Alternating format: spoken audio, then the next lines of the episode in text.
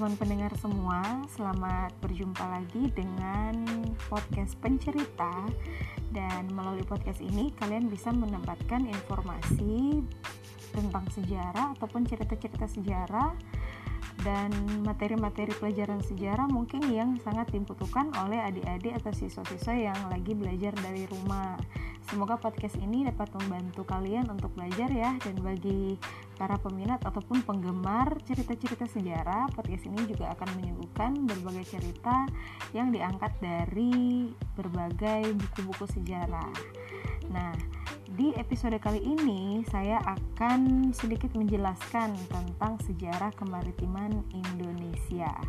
Oh ya maaf, perkenalkan saya Vero, saya sendiri adalah seorang guru sejarah dan melalui podcast ini saya mau berbagi materi-materi sejarah untuk mempermudah kalian mendapatkan informasi.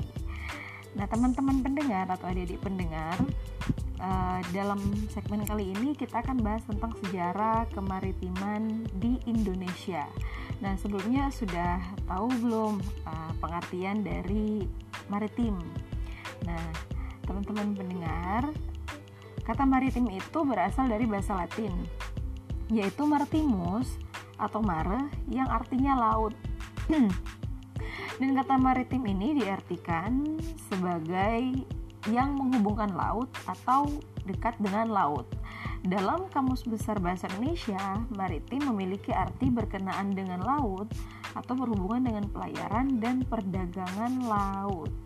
Nah, adik-adik, teman-teman semua, eh, sejarah mencatat bahwa sejak masa praaksara, masyarakat Nusantara telah memiliki kemampuan berlayar dengan menggunakan perahu bercadi. Nah, teman-teman, kita adalah negara kepulauan terbesar di dunia, Indonesia, di mana terdiri dari beribu-ribu pulau dan kita dikelilingi oleh air. Nah, makanya pada waktu zaman dahulu pada masa praksara Masyarakat lokal sudah terbiasa dengan kondisi geografis Indonesia yang seperti ini. Makanya kita sejak dulu Indonesia ya sudah mempunyai kemampuan maritim yang sangat unggul. Nah, kemampuan maritim yang kita miliki adalah kemampuan berlayar, membuat dan menggunakan perahu bercadik atau perahu-perahu tradisional lainnya. Kita sudah mengenal ilmu tentang arah mata angin, dan tentang ilmu navigasi juga astronomi tradisional. Kita sudah mengetahui pergantian musim dan dapat memanfaatkannya untuk pelayaran eh, di samudra ataupun di lautan luas. Nah, teknologi perkapalan yang dari sangat sederhana yang kita kenal dengan rakit kemudian uh, ada perkembangan sampai mereka membuat beberapa perahu yang digunakan untuk uh, tran alat transportasi pada waktu itu. Jadi kemudian lambat laun uh, teknologi perahu menjadi kapal dan akhirnya dapat digunakan sebagai alat untuk uh, pelayaran ataupun perdagangan internasional bahkan. Jadi seperti itu ya kurang lebih uh, budaya maritim zaman kuno yang sudah ada pada masyarakat kita. Makanya sampai sekarang kita masih bisa menemui perahu-perahu tradisional di pesisir pantai di beberapa daerah yang uh, masih sangat mengandalkan laut uh, sebagai penunjang aktivitas manusia.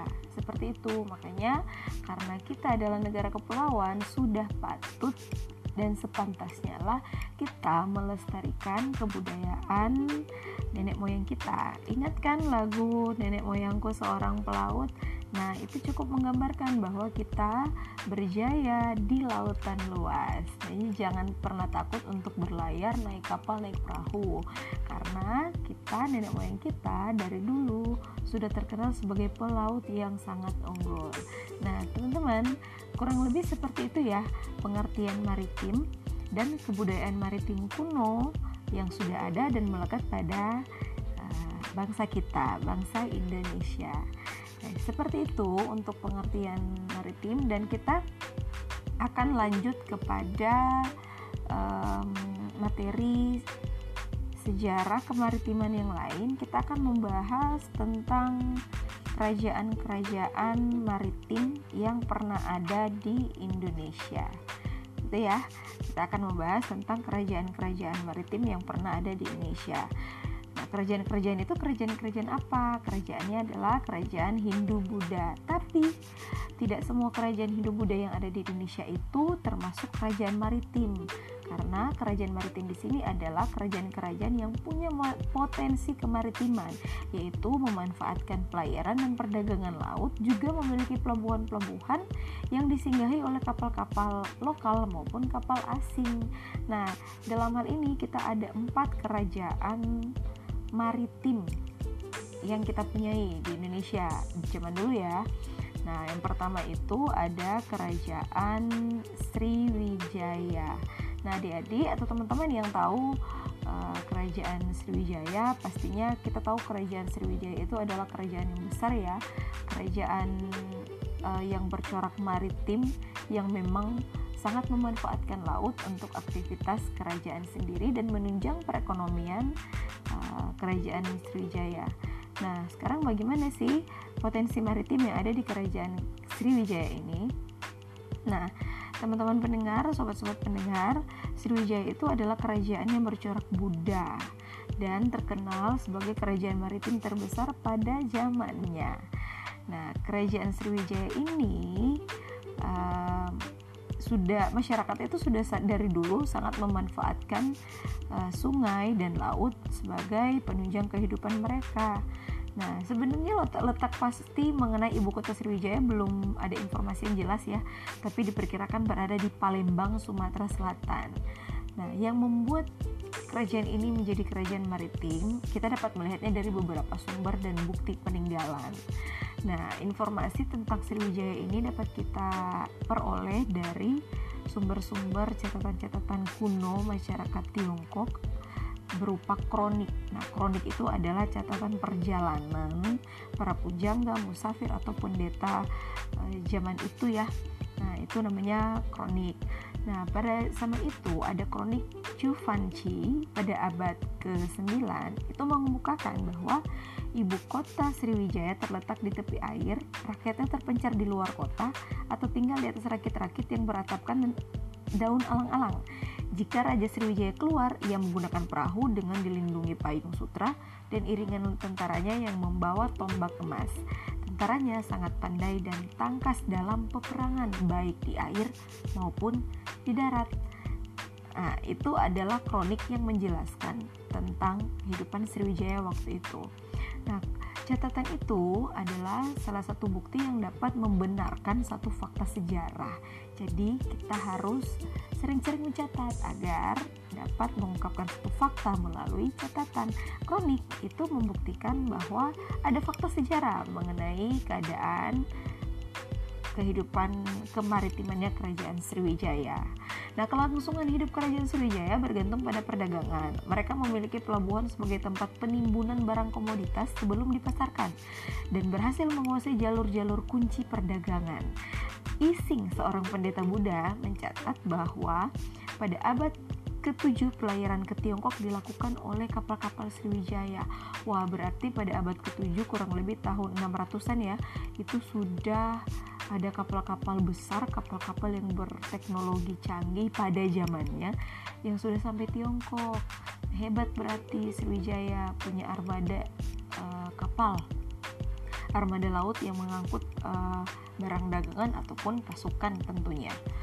Terus uh, menurut sejarawan lain yang bernama Krom, Sriwijaya dapat berkembang dengan cepat karena Sriwijaya itu mempunyai letak geografis, pelabuhannya sangat cocok sebagai tempat persinggahan dari kapal-kapal dagang, terutama yang datang dari Tiongkok dan India. Pelabuhan ini menjadi pusat perdagangan barter yang dilakukan oleh para pedagang dari India dan Tiongkok, menjadi pusat perdagangan dari barang-barang lokal yang akan dikirim ke Tiongkok dan India mendukung dan didukung oleh adanya pemerintahan yang kuat. Nah, jadi um, aktivitas yang sangat memadai ataupun aktivitas yang ramai di pelabuhan itu tentunya tidak lepas dari yang namanya pemerintahan. Kalau uh, adik-adik atau teman-teman perlu diketahui bahwa pemerintah pada waktu itu raja yang berkuasa yang membawa Sriwijaya pada puncak keemasan adalah Bala Putra Dewa. Berarti mungkin pengelolaan pelabuhannya cukup bagus ya karena eh, aktivitas pelabuhan Sriwijaya cukup ramai disinggahi oleh kapal-kapal asing dari Tiongkok maupun dari India. Di situ terjadi kegiatan perdagangan barter yaitu tukar barang antar barang uh, di mana komoditas yang dari Tiongkok dapat ditukar dengan barang-barang uh, lokal atau komoditas lokal yang ada di Sriwijaya sendiri. Nah sekarang jadi teman-teman uh, apa sih komoditas yang ada di Sriwijaya itu sendiri? Ternyata di Sriwijaya itu menyediakan barang-barang yang dapat menjadi barang-barang pengganti. Barang-barang pengganti itu apa? Nah, jadi barang pengganti itu adalah barang yang menggantikan barang asli yang lebih mahal sebagai persinggahan perdagangan internasional, seorang ahli sejarah Walters berpendapat kalau wilayah Sumatera berperan penting menyediakan berbagai barang pengganti, misalnya getah gaharu yang mungkin berasal dari Sumatera Utara dijadikan pengganti dupa. Nah, perdagangan dupa melalui laut berlangsung pada abad ketiga hingga puncaknya pada masa dinasti Sung di Tiongkok ketika dupa diimpor secara besar-besaran. Maka muncullah kesempatan untuk mengganti dupa dengan getah gaharu yang lebih murah harganya. Ada lagi getah kemenyan yang dianggap sebagai pengganti mur di Tiongkok Selatan. Pada pada sekira abad kelima, kemenyan Nusantara bagian barat umumnya dinamakan damar atau getah kemenyan kemudian dijadikan pengganti eh, bahan obat pengasapan. Latar belakang perkembangan ini adalah zaman permulaan perdagangan Tiongkok Indonesia pada abad kelima, yaitu ketika perdagangan dupa mendorong terjadi perdagangan getah gaharu sebagai, pengganti. Jadi, karena mereka menyediakan komoditas atau barang-barang yang lebih murah, makanya makin ramailah itu persinggahan kapal-kapal asing karena mereka membutuhkan dupa tapi karena dupa kemahalan di sana jadi uh, mereka mencari alternatif di mana menyediakan komoditas yang jauh lebih murah tentunya. Nah teman-teman sobat-sobat pendengar semuanya nah itu untuk penjelasan uh, kerajaan Sriwijaya ya. Kerajaan Sriwijaya juga tak, uh, eh, pasti menemui uh, masa akhirnya karena yang sekarang yang tersisa hanyalah jejak-jejak sejarahnya.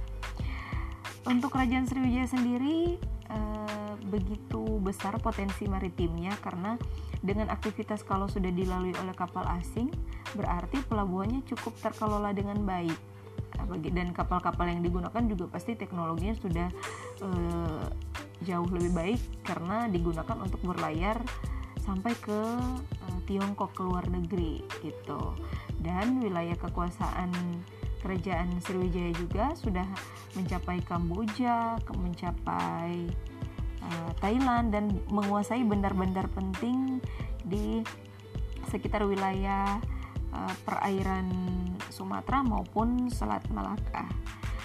Nah, untuk penjelasan Sriwijaya sampai di sini dan kita akan melanjutkan dengan penjelasan mengenai kerajaan Mataram kuno Singasari dan Majapahit tapi kita akan bahas di segmen selanjutnya untuk uh, segmen kali ini semoga dapat membantu teman-teman atau adik-adik yang belajar dari rumah memahami uh, bagaimana jejak-jejak maritim yang ada di Nusantara dan bagaimana budaya maritim kuno yang sudah melekat uh, pada kita bangsa Indonesia. Terima kasih sudah mendengarkan. Semoga segmen kali ini menyenangkan dan membuat kalian semakin senang belajar sejarah.